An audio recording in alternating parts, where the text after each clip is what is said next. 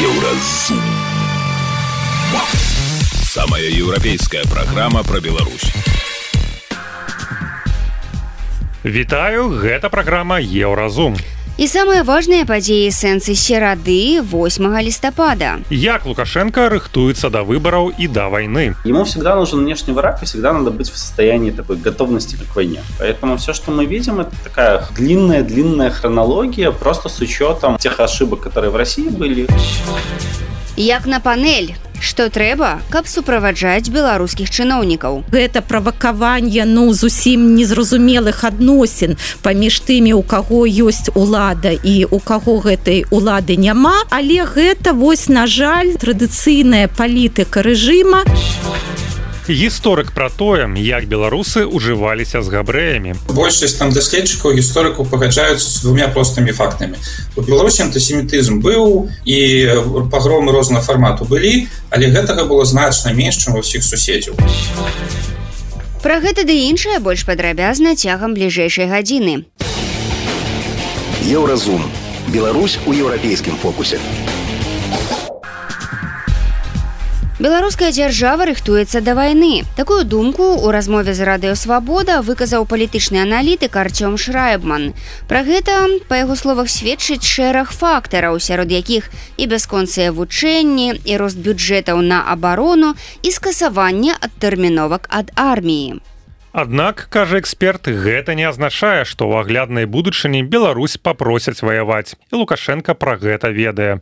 Калі нават такое здарыцца гэта адбудзецца спантанна. Лукашенко паводле шрайбмана дзейнічае па прынцыпе у рускіх атрымалася кепска таму трэба рабіць так каб у нас атрымалася добра калі давядзецца ваяваць. Про тое ці сапраўды Беларусь рыхтуецца да вайны ў эфіры обычного утра распавў кіраўнік маніторынгавай групы беларускі гаюн блогер Антон Матолька. Нет, так Лукашенко с момента, наверное, первой своей фразы про танки НАТО лязгают у границ, готовится к войне, ну или хотя бы пытается своему а, восточному а, пахану сказать, что типа надо готовиться. Ну, то есть э, я немножко не чуть-чуть не согласен с Артемом, то есть он все на самом деле правильно сказал, но только эта история не про там сделать как в России или э, какую-то хорошую фразу на самом деле там сказал.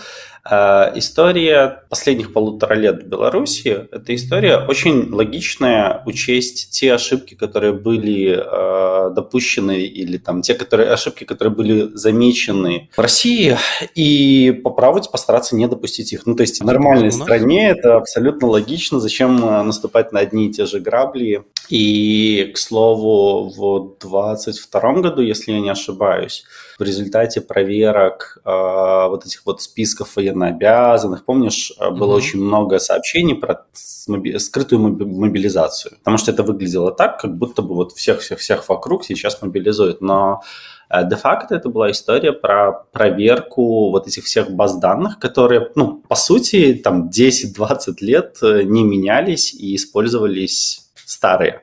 Соответственно, э, белорусская система военкоматов районных, которая вроде как хорошо, казалось бы, хорошо распространена, хорошо реализована, она оказалась банально не готова. То есть у них было очень огромное количество устаревших данных, эти истории, когда там не то, что недавно умерших э, там мужчин пытались призвать, а уже которым 10 лет нет в живых. Те, которые уехали, уже и паспортов, например, нет. Ну, то есть очень много было таких э, и смешных, и не очень историй.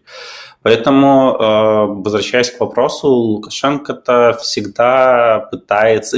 Любой диктатор, в принципе, любой такой автократ, он же всегда говорит про внешнего врага. Что Гитлер об этом говорил, что Путин об этом говорит, что Лукашенко всегда говорил, то Запад плохой, то Россия была плохая в 2020 году, в 19-20 году, когда надо было там что-то поиграть, то теперь Украина опять плохая и Запад. То есть ему всегда нужен внешний враг, и всегда надо быть в состоянии такой готовности. К войне. Поэтому все, что мы видим, это такая длинная-длинная хронология, просто с учетом, может быть, вот эта вот активность, с учетом вот тех ошибок, которые в России были допущены. Э, русские, что всегда типа были примером для военных, чего-то хорошего, наверное. А, кроме зарплат и этих социальных гарантий. А вот 22 год показал, что не все так там и прекрасно, и хорошо, и вообще, на самом деле, работает кривокосо. Стряска была в прошлом году, когда начали проверять и увидели результаты, и поняли, что они очень сильно облажались. Сейчас это уже скорее притирка, внедрение вот всех этих новых технологий, там, элементов каких-то. А, да, да. Ну и вот это э, быть всегда в стадии войны, быть всегда в стадии на нас вот-вот нападут, нам надо быть готовым, это, опять же, полностью кладется в канву внешнего, поиска внешнего врага, и просто надо постоянно а, транслировать э, широкой аудитории, что вот ну, все против нас, все вообще все вокруг против нас. Мир даже, это война знаю, по Оруэллу, да? Мир да, это война. Да, да, да, да. И белые бедные исландцы тоже против нас и вот-вот пойдут войной. Ну, то есть условно. У межах глобальнай мілітарызацыі у нашай краіне як грыбы расце колькасць спецпадраздзяленняў прычым усё гэта адбываецца напярэдадні выбараў. Паралельна ў мус едзе старшыня цвк і просіць дапамогі абараніць выбары ад нейкіх ворагаў. Няўжо ўлады баяцца што лютаўскія выбары таксама пройдуць не па іхнім плане? Протягивая Антон Матолько. У них есть как-то свой план, они его придерживаются, они его придерживаются в том числе и со своими внешними и внутренними врагами. Если обратить внимание, что происходит сейчас в Беларуси, последние пару недель очень сильно ускорились, ну, там, усилились, увеличились репрессии, которые, э, я имею в виду аресты людей, причем, ну, я бы даже сказал, может, удвоились по тем сообщениям, которые мы видим. То есть ребята абсолютно открыто готовятся к электоральному циклу. И это интересно, потому что, ну, мне так кажется, что люди в Беларуси как раз-таки прекрасно понимают, что такое электоральный цикл и что такое выборы, там, вот эти выборы типа 24 года а людям вне Беларуси и белорусам, и западным партнерам, наоборот, ничего уже не надо обсуждать, ну, доказывать. То есть есть президент-элект, признанная Тихановская, есть человек, который провел тайную инаугурацию, никому не сообщив, вообще в полном секрете. Ну, то есть это было настолько смешно, то есть человек банально не вступил в обязанности президента, человек банально не может объявлять там, ни про какие выборы и подобное. И э, готовиться к выборам, будто бы это, я не знаю, ну, я бы даже сказал, что и президентские сейчас новые выборы это и не выборы. То есть, а каким-то выборам к, что там, палата представителей, ВНС, вот это вот, ну, то есть что-то иллюзорное, что ничего не решает, так и до 2020 года не то, чтобы это было кому-то интересно в Беларуси. Ну, то есть, э, я думаю,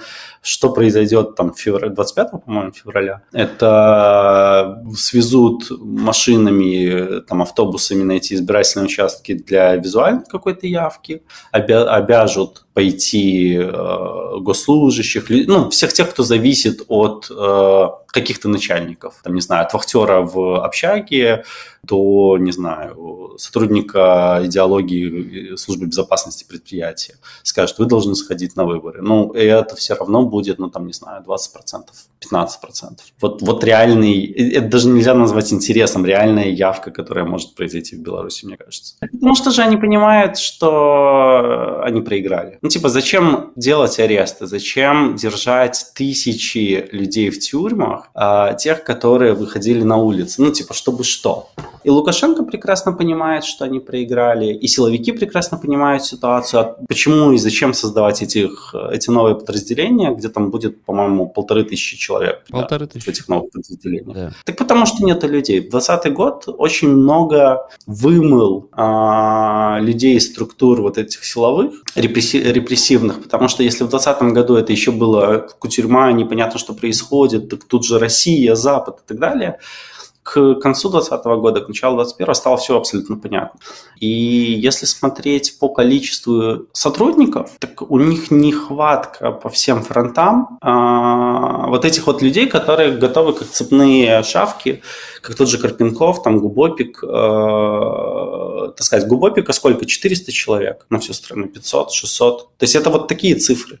Э, если говорить про, ну, есть еще там, понятно, ОМОН внутренние войска, это отдельный трек.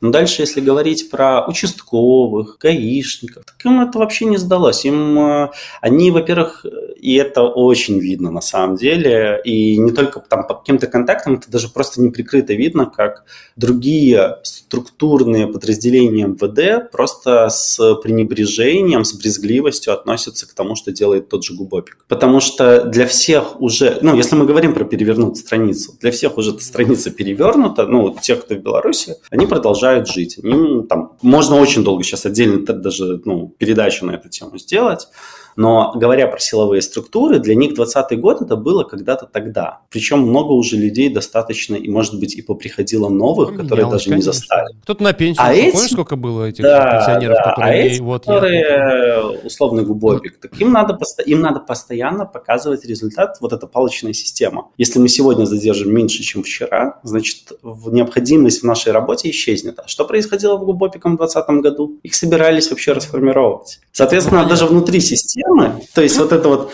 600 человек и 10-20 тысяч э, участковых, они уже не пересекаются. Это уже, то есть э, я думаю, что и Лукашенко, и там Совбез, и те, кто рядом, они прекрасно понимают, что нет той возможности, которая была в 2020 году, чтобы взять и, не знаю, единым фронтом выступить. И не знают, условно говоря, вот про эти там тысячу, две, три тысячи человек. Они знают про ССОшников, которые могут э, уже в критической ситуации поддержать э, внутренние войска, которые разбегутся, скорее всего, при каком-то сопротивлений. И они прекрасно понимают, что это такой э, в каком-то плане Джокер для них, ну, там, черный лебедь, что произойдет. Просто они почему-то свято верят, что вот все будут выделять большое внимание на эти выборы. И сейчас я, кстати, хочу сказать, что я звучу именно так, как человек, который очень успокаивает режим, что ничего не будет. Пусть ничего не делают. Ну, потому что на самом деле оно действительно очень показательно выглядит, что ребята так боятся, что они, не знаю, любой чих, любой, там, не знаю, экскурсию на белорусской мове пытаются Э, задержать, проверить, не дай бог, что там будут очередные змагары. Кіраўнік маніторынгавай групы беларускі гаюн Антон Матолька распавёў пра тое, як рэжым рыхтуецца да парламенцкіх выбараў і да вайны. Еўрарадыё кропка FM. Далей у праграме Еўразум як на панель что трэба каб суправаджаць беларускіх чыноўнікаў. Гэта правакаванне ну зусім незразумелых адносін паміж тымі у каго ёсць улада і у каго гэтай улады няма. Але гэта вось на жаль традыцыйная палітыка рэжыма. а гісторык пра тое як беларусы ўжываліся з габрэямі. Большасць там даследчыкаў гісторыку пагаджаюцца з двумя простымі фактамі. У беларусі антысемітызм быў і пагромы рознага фармату былі але гэтага было значна менш чым ва ўсіх суседзяў. Сустрэнемся пасля навінаў спорту. Еўразум. Беларусь у еўрапейскім фокусе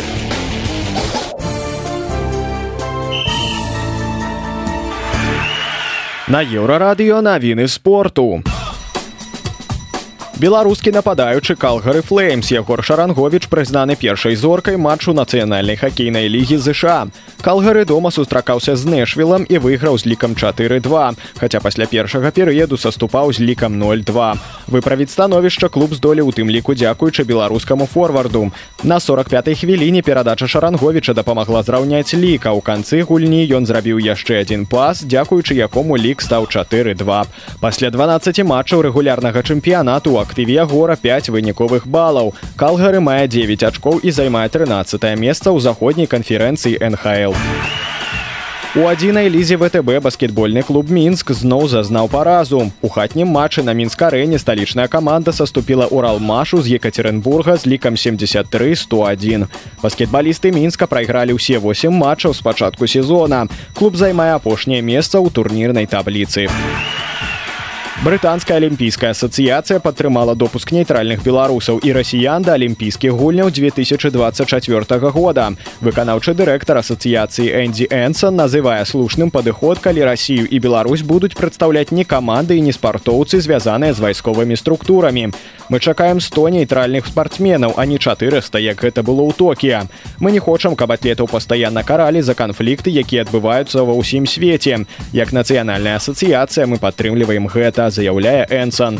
Міжнародны алімпійскі камітэт пакуль не прыняў рашэння наконт допуску беларусаў і расіян да алімпіяды гэта былі навіны спорту. Заставайцеся на еўрарадыё еўрарадыё моц настрою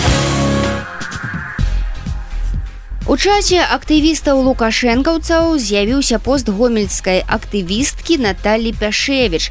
Яна распавяла, як яе дачку выбралі для сустрэчы міністра Піневіча на медыцынскай канферэнцыі па словах чыноўніцы дачце гэты адбор не спадабаўся. Маўляў адчувала сябе як на панелі худзенькая высокая з доўгімі чорнымі валасамі. Наш галоўны рэдактор павел свярдлоў абмеркаваў гэтую сітуацыю з гендернай даследчыцай прафесаркай ірыны сідорскай запала у э, душу памяць гэта вось пра тое як дзяўчыны рыхтуюць да сустрэч з беларускімі чыноўнікамі. Вось была такая навіна на тыдні. І уласна скардзяцца бацькі у чатах і скаргі накшталт того что з дзяўчынкі якая выглядае ледзь на 18 ну то бок са студэнткі там са школьніцы стварылі 30 плюс. Стандарты прыгажосці якія давялі як сабрацца да гэта чырвоная памада кудрі там і гэтак далей. Что гэта такое адбываецца? Гэта ж просто сустрэча там ну, вось у дадзеным выпадку з міністрам аховы здароўя. Навошта так рыхтаваць тых хто я так разумею что просто пасядзіць у зале ці пастаіць недзе там на шляху ну, чыноўніка да, да там тых службовых асобаў да якіх ён прыехаў. Ну пытанне гэта не да мяне. Я б так бы не рабіла калі б я мела магчымасць. Вы былі да, міністркай так, аховы здароўя это зразумела але гэта мяне не здзіўляе бо менавіта так улада выкарыстоўвае жанчыны выкарыстоўвае но яна выкарыстоўвае усіх жанчын і э, на маю думку яна выкарыстоўвае і эйсмант і качанаву і у тым ліку безымянных э, жанчын маладых жанчын і вось маладых жанчын яна выкарыстоўвае менавіта так. І вось якія там ёсць стандарты прыгажосці вось гэтыя но ну, такія канвенцыйныя і вельмі вельмі састарэлыя. Вось под гэтыя стандарты прыгажосці вось гэтых студэнтак альбо там кагосьці іншага і малююць. Ну канешне гэта не просто недобра гэта нават ну непрымальна бо гэта ну яшчэ раз гэта нейкі экскорт на дзяржаўным узроўні гэта правакаванне ну зусім незразумелых адносін паміж тымі у каго ёсць улада і у каго гэтай улады няма. Ну але гэта вось на жаль ну вось гэта традыцыйная палітыка рэжыма і традыцыйнае стаўленне рэжыма менавіта да жанчын. Дэкарацыя інструмент інструмента да? да, розныя інструменты. Вось качанова гэта один інструмент А вось маладая жанчына якая там павінна сустракаць міністра гэта іншы інструмент. Але усе яны інструменты і там вось что там наракалі бацькі што і шмат часу і там і ну гэта гэта не цікавіць. То бок у бацькоў прэтэнзій крыху не да таго да чаго мусілі быць можна нават і так сказаць да? То бок бацькі наракаюць на тое што трэба было вы правесці шмат за падрыхтоўкай. А прэтэнзіі мусіць быць да таго што вашу дачку э, успрымае ўлада як дэкарацыю для міністра Там. Ну на жаль на жаль так але яшчэ раз ну э, беларуская дзяржава яна малюе такую вельмі патрыархальную карціну свету і вось яна ну нават паразітуе на гэтых гендерных стэеатыпах і таму ну вось такія звычайныя беларускія бацькі. Яны можа і на самой справе не разумеюць вось як выкарыстоўваецца іх дачка. Для іх ну тое что вось робіць улада гэта заўсёды заўсёды нормально але ну можа вось не трэба было там столькі часу альбо там не трэба было з 18гадовай рабіць 30гадовую але вось сама сітуацыя что вось там твою дачку студэнтку там яна не на занятках яна там не займаецца нейкімі сваімі сваімі справамі А вось яе успрымаюць як інструмент для сустрэчы міністра.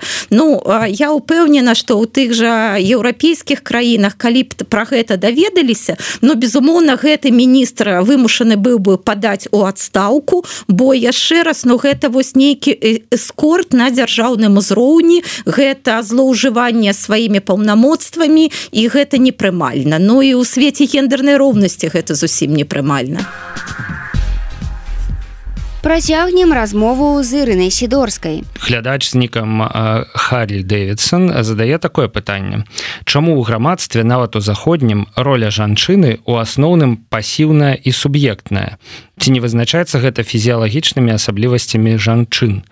Я крыху не разумею як пасіўная і суб'ектная ну, можа пасіўна суб'ектная не? пасіўная і аб'ектная можа быть ну, так, напісаць так, чалавек так. да? Тому что все ж таки калі роля суб'ектная гэта значыць что ўсё ў парадку. Ну давайте можа слова суб'ектная закрыем так пальцам пасіўная роля. Ці не вызначаецца гэта фізіялагічнымі асаблівасцямі? А фізіялагічнымі асаблівасцямі дакладна гэта не азначаецца і мы кожную перадачу про гэта гаварым что вы чаму патрэбна гэта замежнае слово гендер Чаму мы там не гаворым про жаночы пол мужчынскі пол Таму што мы маем на ўвазе менавіта не фізіялагічныя, не фізічныя, не там храмасомныя адрозненні мужчыны жанчын. Яны існуюць, але яны не маюць такога важнага значэння для тых сацыяльных роляў якія ну реалізуюць у сённяшнім свеце жанч, жанчыны і мужчыны.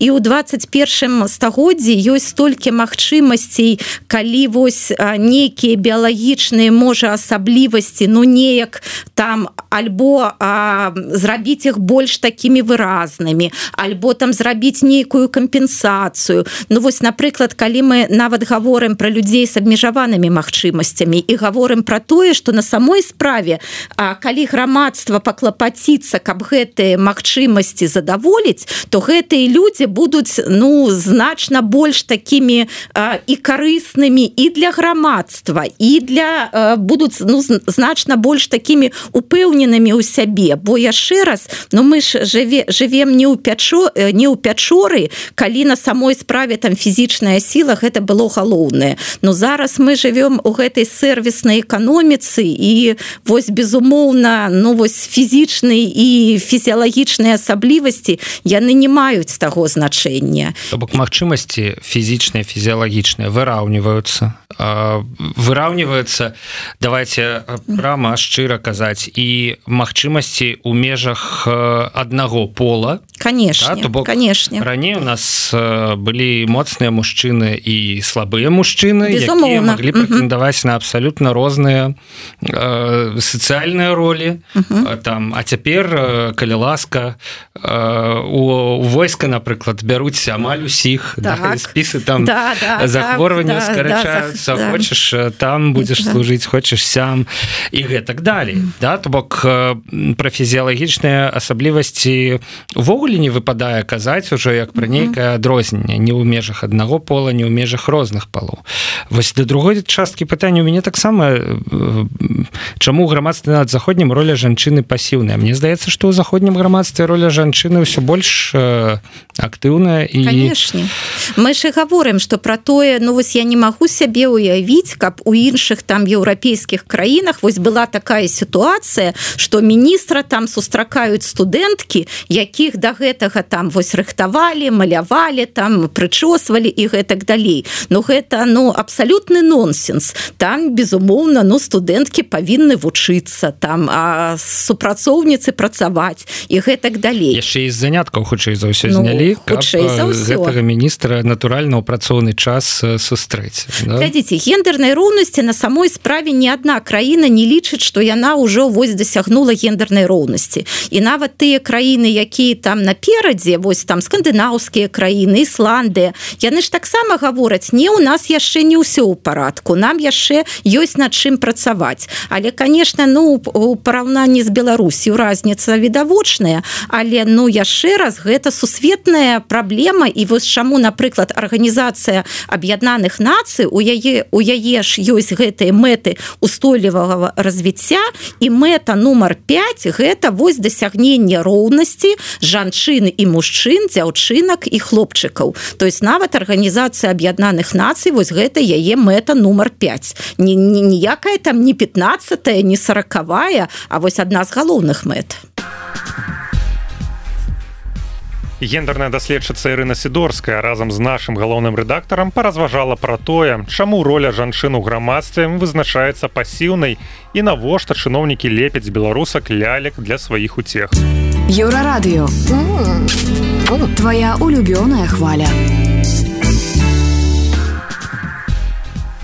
Далей у праграме Еўразум. Гісторык пра тое, як беларусы ўжываліся з габрэямі. Большасць там даследчыкаў гісторыкаў пагаджаюцца з двумя простымі фактамі.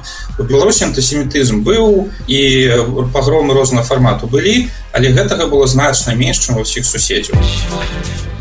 Сустрэнемся пасля навінаў шоу-бізу. Еўрарадыё Твая улюбёная хваля. Шоу-біз.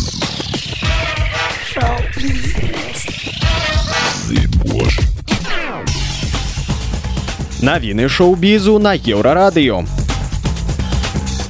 Неўзабаве з'явіцца кіно ад незалежных купалаўцаў. Стужка заснаваная на апавяданні тры магілы Арыка Фергаса, пісьменніка з метра дзядзенкі. Па словах рэжысёра праекта Паўла Яскевіча гэта будзе вельмі камерная праца, бо яе цалкам знялі ў памяшканні варшаўскага бара сцэна хмельна. У фільме здымаюцца Олег Гарбус, Евгенія Кульбачная, Андрей Дробыш і Сергей Чуб. Рэжысёр характарызуе праект як тэлеспектакль, сумяшчэнне кіно і тэатра, што дае больш магчымасцяў, чым калі б гісторыю Арыка Фергаса Лукаса расказвалі сродкамі толькі аднаго з мастацтваў. Галоўны персанаж, якога гуляе Олег Гарбус прыязджае ў камандзіроўку ў беларускае мястэчка. І там праз помнікі асабіста сутыкаецца з чалавекам, які праявіў сябе па-геройску ў розныя часы. Тэлекампанія France Televisions абвесціла, што спявак Сліман прадставіць краіну на конкурсе песні еўрабачання ў мальме ў наступным годзе. Прэм'ера песні Монамур адбудзецца сёння ў вечаровым шоу на тэлеканале Франц 2. Мае першыя канцэрты ў барах Пігаль, здаецца, былі учора, а потым голас. У маі я буду спяваць перад усім светам. Я буду спяваць сваім бацькам, для маёй дачкі, для Францыі, напісаў Сліман у сваёй садсетцы. З моманту перамогі ў французскім голасе ў 2016 годзе папулярнасць Слімана расла імкліва. Было прададзена 2 мільёны альбомаў, 5 узнагарод Energy Music Awards ды 2 мільярды праслухоўванняў па ўсім свеце. Гледачы нарэшце могуць пабачыць прэм'еру другой часткі капітана Марвел. Паведамляецца, што гэта апошні праект у кінематаграфічным сусвеце Марвел. Прэм'ера фільма студыі адбылася ў аўторак у лас-вегасе, а прэс-паказы таксама прайшлі ў нью-йорку і лас-анджелесе. Цяпер першыя рэакцыі з'яўляюцца ў сацыяльных сетках напярэдадні афіцыйных аглядаў, якія пачынаюцца сёння. Людзі ў адзін голас адзначаюць, што карціна атрымалася вясёлай. Сярод добрых якасцяў адзначаюць выдатнае ўзаемадзеянне паміж акторкамі Бры Ларсан іман велані і таёнай парыс а таксама тое што карціна пакідае прыемнае ўражанне пасля прагляду арганізатары паведамілі аб скасаванні канцэртаў гурта пошлая молі ў гданьску варшаве кракаве познані і ўроцлаве запланаваных на лістапад і снежань. Перад гэтым у нстаграм саліст гурта украінец кірыл бледны запісаў відэароліку якім надзвычай абразліва выказаўся пра польскую мову. Пасля таго як на відэазапіс звярнулі ўвагу сМ бледны сказаў што маўляў пажартаваў і попрасіў прабачэння за свае выказванні. Але палякі мяркуючы па ўсім жарты не ацанілі. У 2022 ім бледны ладзіў дабрачынны канцэрт у падтрымку краіны і выступаў супраць паўнамасштабнага расійскага ўварвання. Аднак ужо ў чэрвені таго ж года спявак выпусціў сумесны трек з расійскім рэперам маладым платонам. Гэта былі навіны шоу-бізу, заставайцеся на еўрарадыё.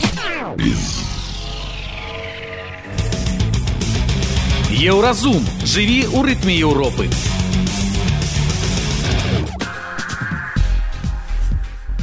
У сувязі з абвастрэннем палестына-ізраільскага канфлікта у свеце набіраюць моц антысеміцкія настроі.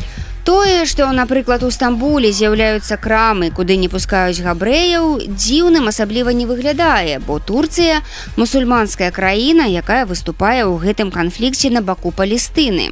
Аднак еўрапейскія габрэі таксама сёння жывуць у страху. Да прыкладу, у Іспаніі адбыліся напады на габрэйскія крамы і сінагогі. У Аўстрыі апаганеныя габрэйскія могілкі.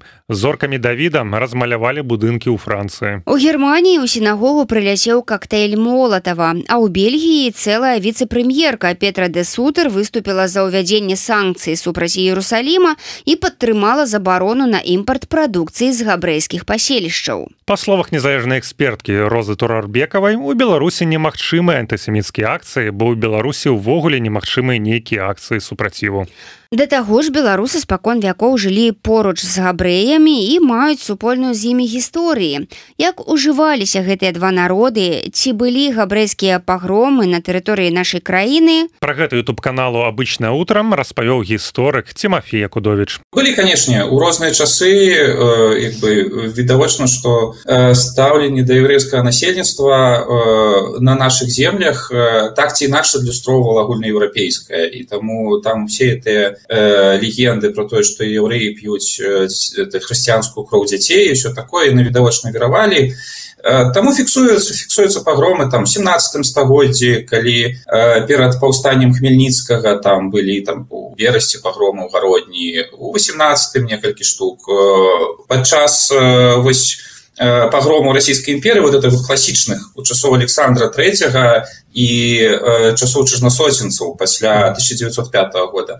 Э, так само были некоторые там гомели орши и так далее вось. Один что можно сказать что на наших землях их было меньше чем у суседзяў так? Вось э, тое что фіксуюць все гісторыкі э, на беларусі відавочна адчувальна было менш праяву антысемітызму чым там напрыклад в украіне польшчы літве ну, самой россии ну і гэта на працягу ўсіх стагоддзяў вось ад. Думаю тут две прычыны і з'яўляюцца галоўнымі. Першая это іх вялікая адрознасць а другое то что заўсёды былі звязаны з грашыма евреі былі адарваныя ад зямлі і таму яшчэ сярэднявечча іх іх дзейнасць была звязана ці там з рамесніцтвам ці з там ліхвярствам пазыкамі грашыма гандлем. Ну а грошы заўсёды выклікаюць калі у чужога ёсць грошы а ён жыве побач з табой ну і давайте дададзім трэці трэці момант відавочна што ганенне на яўрэю у пэўны момант сталі вельмі важным палітычным інструментам шмат для якіх сілаў у Еўропе спачатку это была ну, Миколай а пасля а пасля там не ведаю там в Украіне там напрыклад хмельніцкі на, на на гэта ставку вялікую зрабіў у расійскай імперыі да як бы вось пачынаюцца праблемы ў краіне то то там александр третий раптам узгадывае что надо прышуціць яўрэяў может тады лепш стане жыць ну то есть палітычная дарэчы нават і цяперашнія вот это вось бунты у россии на каўказе так як бы знаходзіў недзе думку что на самой справе это некая сімвалічная падрыхтоўка да пагромаў ужо ў бок там русских ну просто таму что напружанне вялікае в гэтай россии да як бы няма куды яго дзяваць усе ў роспачы а, а тут такая добрая нагода. О за еўрамі можна пабегаць ну паскакалі пінск бабруйск віцебск глыбокае гэтыя гарады ў народзе называюць габрэйскімі. Чаму? Таму што там жыло больш габрэяў чым беларусаў вось што кажа Тимофей акудович. Слухайте вот гэта у поўным сэнсе вялікая таямніца наконт асабліва бабруйска Ну давайте пачнем спачатку еўрэяў у беларускіх гарадах 19 стагоддзі ва ўсіх беларускіх гарадах у 19 стагоддзі было больш за 50 процентов ну амаль што ва ўсіх туркменск гародня віцебск любы горад бярыце усюды колькасць еўрэйскае насельніцтва была ну там 50соткаў 1060 некаторых нават 70 не падаецца Вось іх было вельмі шмат. Звязана это было з тым что э, Катерина другая весела яшчэ ў канцы 18 стагоддзя эту знакамітую рысу еврейской оседласці uh -huh. что все евреи российской імперии имели право жить толькі на землях вось нова долучаных там беларусі украины польшчы літвы і толькі ў гарадах. Ну чамусьці лічылася что евреи там як бы будуць дрэнна ўплываць на сялянское насельніцтва.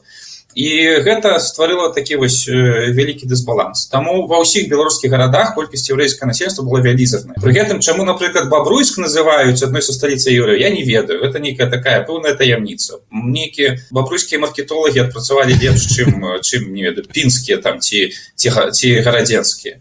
Вось э, афіцыйна ну як афіцыйна гістарычна сталіцамі э, габрэяў беларусі былі ад пачатку берасці бо берасці першая атрымала ад князя вітаўта права на фармаванне сваёй абшчыны яўрэйскай 1388 год. І там доўгі час лічылася што ну вот такі берасці вялікі цэнтр э, яўрэйства. Пасля гародня была такім вялікім цэнтрам пасля вільня стала ну таким самым буйным цэнтрам Пры гэтым чаму там вот сапроты там той же бабруйск называюць цяжка сказаць там было шмат еўрэяў толь выхадцы шмат цікавыя персонажы выйшлі яўрэйскія але чаму менавіта там не ясна чаму пінск таксама не до конца зразумела Вось, э, ну зноў у пінску былі свае там з пінска выйшаў там хайм бейсман нас под пінску вот это першы прэзідэнт Ізраіля і просьма іншых вядомых асобаў. Але чаму сапраўды яго часам называюць сталіцай мне таксама не зусім ясна. Ну вот маркет ну, так. пиар добрый пиар пэўных пэўных абшчын. Па-першае еўрэі заўсёды жылі крыху адасоблена так? Яны жылі асобнымі кварталамі ва ўсе часы. Ну просто тое что зараз мы называем просто кварталам там не дуракускае прадмесце какое-нибудь mm -hmm. так? Это ж у э, першай палове 19 стагоддзя была ледзьве не палова горада Вось таму ну так яны просто селіліся больш адасоблена у нейкіх сваіх кварталах якія калісьці складалі там добрую палову горада зараз з'яўляюцца просто кварталам mm -hmm. города. Ці можна сказаць што у кожнага беларуса ёсць еврэ яўрэйская кроў не слухайте гэта напэўна перабольшванне тому что еўреі вельмі доўгі час жылі сваімі ну вот абшчынамі этими вялікімі так кагалами mm -hmm. вось закрытымі і ім забаранялася і гэта вельмі не віталася там жаніцьба з іншаверцамі. Відавочна что там еўреі у хрысціянскую супольнасць таксама не дужа прымалі. Только калі яны перахрысцяцца але это адбывалася нечаста. Еўреі у рэчы паспалітай і нават яшчэ пэўны час у расійскай імперыі жылі па сваіх законах. Яны судзіліся па сваіх законах жылі ў сваіх каралах хадзілі в этой адасобленай вопратцы чорнай это дарэчы адна з прычынаў была вот этой нейкая так канфліктаў да бо еўрэі заўсёды вельмі асобна жылі асобна выглядалі і жылі як бы вельмі сваім асобным жыццём і таму да сярэдзіны 19 стагоддзя змяшэння асабліва не было але пасля прыйшоў капіталізм прыйшлі заводы фабрыкі прыйшла урбанізацыя і менавіта гэта разбіла еўрэйскія вот этой абшчыны то есть ну як бы новы час прывёў до таго что там людзі пачалі ездзіць працаваць на розныя заводы і вот эта кагальная сістэма пачала ламацца з'явілася агульная адукацыя ну і просьма прычын прывяло до таго что это кагалы разбіліся і вот тады еўрэі пачалі актыўна змешвацца з мясцовым хрысціянскім насельніцтвам но гэта там не ведаю сярэдзіны нават хутчэй з другой паловы 19 стагоддзя і ну не паспелі б яны поўнасцю перамяшацца так каб у кожнага беларусу была кропелька еўрэйскай крыві таму не ведаю на радасць каму ці на гора ну напэўна все-таки не ва ўсіх яна не ва ўсіх яна ёсць. Ну шмат у каго з беларусу але дакладна не не ва ўсіх а Як габрэй ладзілі з беларусамі, чым яны збольшага займаліся і каго з іх трэба абавязкова ведаць. Працягвае гісторык Тимофея Кудович. Еўрэю было шмат на нашых землях, яны все не маглі быць багатымі, чыста фізічна. відавочна, што колькасць беднага яўрэйскае насельніцтва была заўсёды большая. І яўрэйскія кварталы досыць часта выглядалі там бедна. Вось, яны ніколі не былі дужа багатымі і там ну не ведаю там бацька э, бацька шагала самага вядомага беларуская еўрэя ён быў разносчыкам рыбы вось адна з папулярных прафесій 19 стагоддзя чэк які прадаваў рыбу. Гандляры это вельмі бедная прафесія да, там ці разносчык вады і так далей.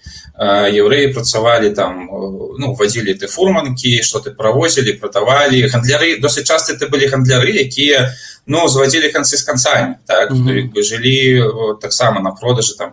У менску быў напрыклад рыбны кірмаш вот на немізе там каля петрапалаўскай царквы дзе асноўным яўрэі прадавалі. Я нават чуў такой не веду байку ці не байку заўсёды свежую рыбу прадавалі таму рыбу якую вечарам не прадалі выкідвалі просто у нямігу якая тады яшчэ цякла па версіі вось а раніцы ўжо даставлялі свежую. Ну і гэта все было і гэта быў ніжні рынок ён лічыўся бедным. Это быў рынок для бедных. Таму большасць еўрэяў жыла як і ўсё насельніцтва беларусі досыць бедна адзінае што беларусы жылі бедна на зямлі ну а еўрэі жылі бедна ў гарадах ад гандля ці рамесніцтва но пры гэтым пры тым што у яўрэі заўсёды клапаціліся пра адукацыю сваіх дзяцей большасць серыю заўсёды была адукаваная відавочна што іх працэнт у сферы навукі там мастацтва вялікага гад ён заўсёды быў большы і асабліва это праявілася там 19 стагоддзе калі крыху прыадкрыліся магчымасці таму колькасць людзей э, творчых прафесій альбо э, сферы бізнеса э, заўсёды там еўрэю было больш Ну, потому что бацькі клапаціліся каб іх дзеці атрымалі добрую адукацыю давайте поговорим про нехай вядомых выхадцаў з беларусі яўрэяў слухайте ну задачка непростая тому что іх сотні і тут яшчэ пытанне як вызначаць вядомасць але ну давайте ёсць адносна аб'ектыўны рэйтынг вядомасці чалавека по ягоным артыкуле у вкіпедыі ну вось колькі наколькі мову перакладзеная вікі артыкул наколькі ён вялікі сумарна есть цэлыя падлікі. І вось по гэтых всіх артыкулах самы вядомы выхадзец беларусі на сённяшні дзень это марк шагал. Вось э, тут як бы мне здаецца і так відавочна гэта вельмі вядомы мастак сусветна вядомы мастак які родам з беларусі. Хоць пішуць часта з расійскай імперыі што не ёсць неправдай але не адлюстроўвае усіх усіх важных нюансаў. Для нас асабліва важна што шагал з'ехаўшы з беларусі ўсё жыццё маляваў віцебск так? Гэта чалавек які быў натхнёны віцебскам сваім родным. І зноўку ён выхадзіць з досыць беднай сям'і то есть ён адлюстроўваў такі вось досыць местачковы віцебск. Вось і вельмі важна што віцеб такім чынам патрапіў сусветную культуру так? Таму вельмі важны для нас персонаж не толькі па месца нараджэння але і па сваёй значнасці там для беларускай культуры Вось другі наш персонаж гэта шимон перес. Вось э, гэта э, ну ён аб'ектыўна вядомы просто таму што гэта ну, яшчэ да нядаўняга часу актуальны яўрэйскі палітык так які там яго глобальная палітычная кар'ера той прэзідэнт прэм'ер-міністр процьма скандалаў.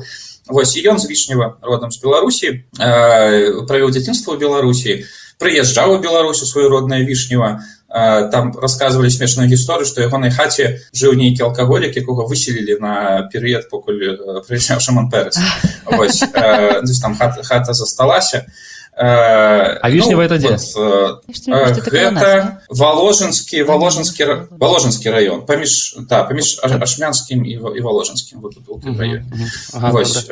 вельмі прыгожая вёсачка з прыгожым касцёлам апроч хаты шумана переса. Так што майце на увазе можна. Хто ў беларусі раю туды з'ездзіць прыгожанесць так хто у нас там наступны голда майер майер. Слухце ну тут трошки іншая гісторыя. Яна не яна э, родам з Киева. Сама нарадзілася ў Киеве на дзяцінства правяла ў пінску беларускім вось і э, таму так часткова наша гісторыя таксама яўрэйскі палітык адзін сімвалаў яўрэйскай палітыкі такой э, жорсткай але прынцыповай нахам бегін вось э, я так разумею беларусі не дужа вядомае прозвішча але для яўрэя адзін з вельмі важных персонажаў ён у берасці нарадзіўся і гэта унікальны чалавек э, э, ён з аднаго боку агульна прызнаны тэрарыст з другога боку лаўрэат нобелеўскай прэміі міру. Вось ён ну чалавек з вельмі пакручастым лёсам ён нарадзіўся ў берасці адвучыўся ў берасці пасля скончыў варшаўскі універсітэт пасля патрапіў у патрапіў у лапы нквд калі нквд прыйшло заходнюю Беларусь вось пасядзеў у турме пасля яго вызвалілі ён патрапіў армію андерсона. Андерса ваяваў там. і і там э, застаўся ў палестыне і узначаліў адзін з таких ну, на той момант это баявых і шмат у чым тэрарыстычных атрадаў э, по вызваленню вось ізраіля ад э, ну, для еўрэяў і сярод іншага ягоны это быў вельмі напружны час пасляваенны і там была сітуацыя что это ж быў пратэктарат англіі яшчэ і бегін со сваім атрадам ладзіў у тым ліку турыстычныя акцыі супраць вот это вот брытанского пратэктарату ну выніку у выніку ягоныя атрады ўвайшлі ў склад арміі Ізраіля і ён пэўны час стаў прэм'ер-міністрам Ізраіля Ну і карацей і по выніку спрычыніўся да першых мірных перамоваў паміж Ізраілем егіптам ну, вось там спробы першай яшчэ намацаць мір у рэгіёне за што атрымаў нобелевскую прэмію і у берасці стаіць нават яму невялікі бюст. Вось што па цяперашніх часах выглядае дзіўна але ёсць яму помнік Гэта быў гісторык Цімафій Акудовіч, які правёў лікбез па самых вядомых беларускіх габрэях і распавёў пра тое, чаму і калі на тэрыторыі нашай краіны здараліся габрэйскія пагромы. Гэта была праграма Еўразум, штодзённы інфармацыйны падкаст еўрарадыё. Кожны дзень мы распавядаем пра самыя галоўныя навіны Беларусі і свету. А сённяшні выпуск скончаны. Беражыце сябе. Пачуемся. Еўразум. Самая еўрапейская праграма пра Беларусь.